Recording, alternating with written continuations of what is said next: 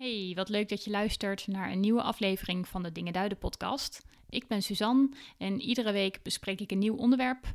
Gewoon wat ik interessant vind of wat mij op dat moment bezighoudt. Dat kan iets heel wetenschappelijks zijn, maar ook een uh, boek of een serie of iets wat ik gewoon leuk vind. Soms is dat met een gast. Die komen nog, maar meestal uh, doe ik het gewoon lekker zelf. En uh, op mijn site suzandulling.nl vind je altijd de show notes. En als je wilt kun je me daar ook steunen. Je vindt daar een hele mooie button naar bol.com.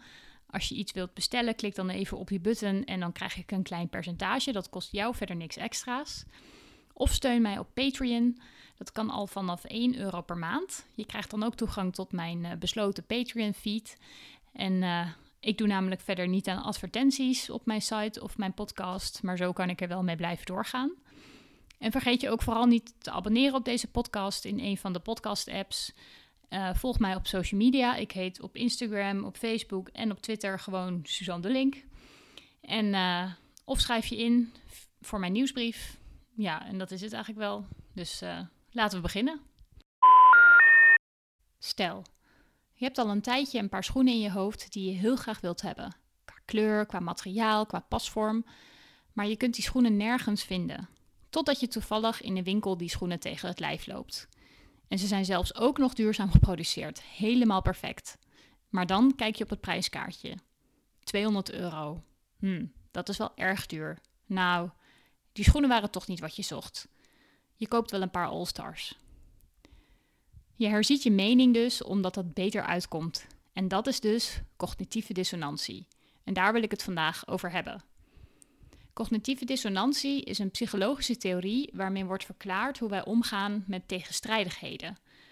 En cognitieve dissonantie is de onaangename spanning die ontstaat door een tegenstrijdigheid in ons gedrag, onze gevoelens of onze gedachten.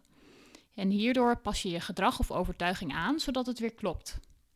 Het is dan dus niet meer dissonant, maar consonant, eenduidig. En de cognitieve dissonantietheorie is uitgewerkt door de Amerikaanse sociaalpsycholoog Leon Festinger. Hij deed dit in 1957 aan de hand van een uh, interessante case, en dat is wel een leuk verhaal. In 1956 las Festinger namelijk een artikel in de krant over buitenaardse wezens van de planeet Clarion. En een huisvrouw uit Chicago, genaamd Marion Keach, had op mysterieuze wijze berichten ontvangen in haar huis door buitenaardse wezens van deze planeet. En in deze berichten stond dat de wereld ten onder zou gaan door een grote vloedgolf voor de zonsopkomst uh, op 21 december van dat jaar.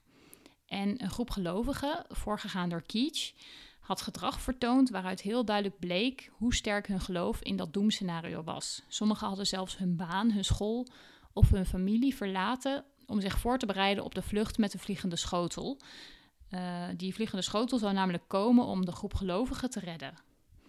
En Vestinger en zijn collega's zagen dit wel als een interessante case. Zij verwachten namelijk dat bij het niet uitkomen van de pro profetie een sterk en pijnlijk gevoel uh, zou komen bij de groep. Cognitieve dissonantie dus. En het zou moeilijk zijn om de ideeën waarmee alles begonnen was helemaal los te laten. En Marion Keach en de groep die waren namelijk zo diep in dat geloof betrokken dat ze moeite moesten gaan doen om dat in stand te houden en daar een nieuw verhaal omheen te verzinnen. En de groep zou met dit vervelende gevoel om kunnen gaan door actief steun te gaan zoeken voor hun geloof. Vestinger die schreef daarover wanneer steeds meer mensen ervan overtuigd kunnen worden dat het geloof correct is, dan moet het wel kloppen. Dus eigenlijk was Keach op zoek naar bevestigende elementen, zodat haar ervaren dissonantie zouden kunnen worden verkleind. Dus dat andere mensen ook gingen geloven in haar verhaal over de planeet Clarion. En de ontwikkelingen in de groep die illustreren uh, heel duidelijk hoe mensen dus omgaan met cognitieve dissonantie. En dat vonden Vestinger en zijn collega's heel erg interessant. En ze hadden ook uh, iemand uh, in de groep laten infiltreren om te observeren. En vlak voor vlak voor de zondvloed op 21 december wilde de groep ook niet in de belangstelling staan. Ze, het was een beetje gesloten en ze wilden zich serieus voorbereiden op de zondvloed. Maar op de dag zelf uh, begon dat natuurlijk te veranderen. Om 12 uur s'nachts op 21 december was er namelijk nog helemaal geen bezoek. En een paar uur later heeft, had de groep in ultieme verbazing stilgezeten. Ze wisten niet wat ze moesten doen, ze konden ook geen uitleg geven. Maar nog een uur later, om vijf uur s'nachts, dus vlak voor de zonsopgang, kreeg mevrouw Keach heel wonderbaarlijk opnieuw een bericht van de buitenaardse wezens. En dat bericht dat was dat God besloten had om de aarde te sparen en niet te vernietigen. En de vloedgolf zou dus niet plaatsvinden. En doordat de kleine groep de hele nacht had gewaakt, hadden ze zoveel licht verspreid dat God de aarde had gespaard. Nou, en een dag later, op 21 december, uh, werden de kranten gebeld en wilde de groep interviews geven. En ze wilden juist een actieve campagne uh, verspreiden om de boodschap uh, over planeet Clarion en de buitenaardse wezens ja, kenbaar te maken. En dat was dus ook precies wat er voorspeld was. Namelijk, die cognitieve dissonantie leidt naar een zoektocht voor bevestiging, zodat het oncomfortabele gevoel weer kan worden weggenomen.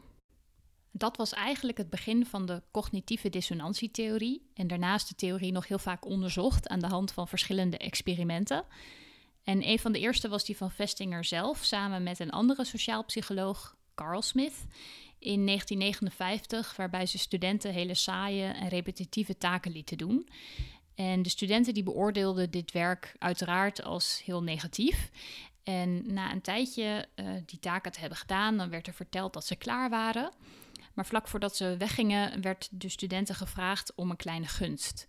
En er werd ze verteld dat een onderzoeksassistent niet kon komen en of de student daarvoor even kon invallen.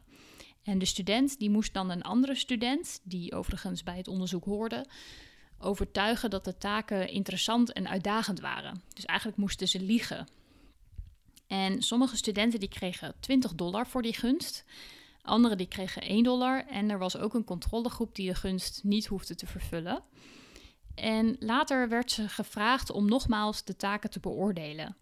En wat opvalt is dat de 1 dollar groep dat veel positiever deed dan de 20 dollar en de controlegroep. En dit was volgens Vestinger en Carl Smith bewijs voor cognitieve dissonantie. Want bij de 20 dollar groep was het blijkbaar niet nodig dat je echte overtuiging over de taak overeenkomt met wat je eerder tegen iemand anders zei. Het geld rechtvaardigde het liegen eigenlijk. En ook het oncomfortabele gevoel bij dat liegen. Maar bij de 1 dollar groep was dit wat vager. Er ontstond een tegenstrijdig gevoel. Namelijk dat je enerzijds tegen iemand zei dat je het interessant vond, uh, terwijl dat eigenlijk niet zo was. En daarom was het beter om jezelf te overtuigen van het idee dat de taak best wel interessant was. Dus je kon beter je eigen overtuiging over de taak veranderen. En daardoor beoordeelde de groep, de 1 dollar groep, dus ook de taken positiever. En dat was dus eigenlijk het gevolg van cognitieve dissonantie. Er was overigens wel kritiek op het onderzoek, omdat de 20 dollar groep misschien ook gedeeltelijk achterdochtig werd uh, door het geld. En in latere experimenten werden daarom ook alternatieve methoden gebruikt om cognitieve dissonantie op te roepen, zonder dat daarbij grote geldbedragen werden gemoeid, want dat kan natuurlijk achterdocht oproepen. En ook is het onderzoek later nog aangevuld. Elliot Aronson, dat is een andere Amerikaanse psycholoog, die koppelde deze theorie namelijk ook nog aan het zelfbeeld van mensen. Het gaat niet alleen maar om het laten kloppen van je overtuigingen van de taak, bijvoorbeeld in dit geval, maar het gaat vooral om het zelfbeeld wat mensen hebben. En het conflict tussen het idee dat jij, een, uh, dat jij geen leugenaar bent, dat idee heb je van jezelf, maar dat je ondertussen wel hebt gelogen tegen iemand, dat is vooral oncomfortabel. Um, en zodra je de taak dus positiever beoordeelt, heb je dus eigenlijk niet gelogen. En op die manier klopt het zelfbeeld weer. Dus het gaat wat minder om de taak aan zich, uh, om dat goed te beoordelen, maar dus vooral om het eigen beeld wat je hebt. En Vestinger die was hier zich trouwens ook al wel bewust van. Hij zegt dat er, ondanks dat er uh, een sterke neiging is om consistent te willen zijn in gedrag, er situaties zijn waarbij de overtuigingen van iemand zo sterk zijn voor het zelfbeeld. Uh, dat ze niet veranderen voor meer consistentie. Dus eigenlijk is het behouden van het zelfbeeld nog belangrijker dan consistentie in taken of, of overtuigingen. En zo zijn er nog meer aanvullende psychologische verschijnselen die verwant zijn aan cognitieve dissonantie. Eentje daarvan, waarschijnlijk ook de bekendste, is de confirmation bias, de voorkeur voor bevestiging. En dat houdt in dat mensen tegenstrijdige informatie ten opzichte van hun eigen overtuigingen liever negeren of verkeerd interpreteren of ontkennen of zelfs helemaal niet geloven. En dus een voorkeur hebben voor bevestigende informatie. Zelf heb ik dit ook lang gehad met het paleo-dieet. In 2011 eh, las ik hier een boek over, The Paleo Solution van Rob Wolf. En ik was er toen helemaal van overtuigd. Ik begon er ook gelijk mee en het klonk zo logisch, eten als de oermens. Uh, alsof mijn ogen geopend werden. En af en toe las ik er ook wel kritiek op. Uh, dat ja, niet zo heel duurzaam was om heel veel dierlijke eiwitten te eten. En ja, dat er ook geen één oerdieet bestaat. Uh, omdat mensen over de hele wereld hele verschillende eetpatronen hadden. En je kan dus ook niet zeggen wat dan het ideale oerdieet is. Maar die informatie die negeerde ik eigenlijk. Ik zag dat als verouderde kennis of andere mensen die snapten het niet of die werden misschien zelfs gesponsord door de voedselindustrie.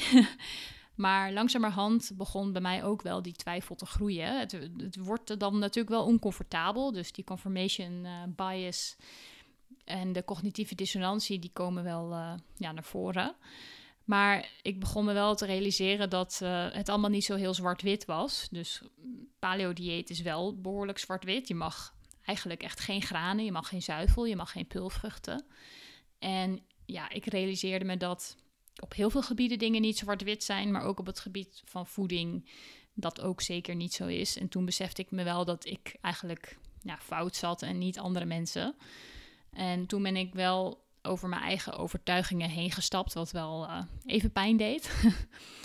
maar uh, ja, dat, dat is denk ik wel een stap vooruit. En een andere aanvulling op cognitieve dissonantie is dat je achteraf dingen aan elkaar koppelt die eigenlijk niet verwant aan elkaar zijn. Uh, ja, dus dat je achteraf iets kloppend maakt of meer waarde geeft. En dat noemt filosoof Nassim Nicholas Taleb. Uh, ook wel de narrative fallacy. Ik noem Taleb nu trouwens al voor de tweede keer in mijn podcast. Dus ik moet ook echt een keer wat met zijn, uh, zijn boeken doen. Um, hij noemt dat de, de narrative fallacy, de verhaaldenkfout. Uh, en dat doe ik zelf ook wel eens. ik studeerde American Studies en kunstgeschiedenis. Maar ik ging uiteindelijk werken bij een online marketingbureau. En later startte ik ook een blog. En achteraf kan ik dat goed praten doordat ik nu veel doe op het gebied van schrijven. Want dat deed ik natuurlijk ook tijdens mijn studie heel veel. En ik doe nu dingen in het thema van de maatschappij en dergelijke. En ja, dat deed ik tijdens mijn studie ook. Dus op die manier kan ik mijn werk wat ik nu doe ook weer goed praten met, uh, met mijn studie. En dus ook meer waarde geven. En hetzelfde deed bijvoorbeeld Larry Page, een van de oprichters van Google, ook een keer in een speech. Hij zei dat je bij ieder ding wat je moet doen, wat je doet, moet nadenken over of het de wereld gaat veranderen. Zij hadden met Google namelijk ook de wereld veranderd.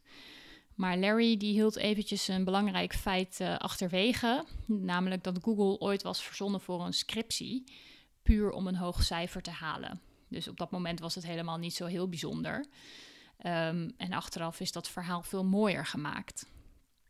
En ja, ik denk dat iedereen wel eens dat soort dingen doet en cognitieve dissonantie heel herkenbaar is, dat iets oncomfortabel is en dat je eigenlijk er geen afstand van wil nemen.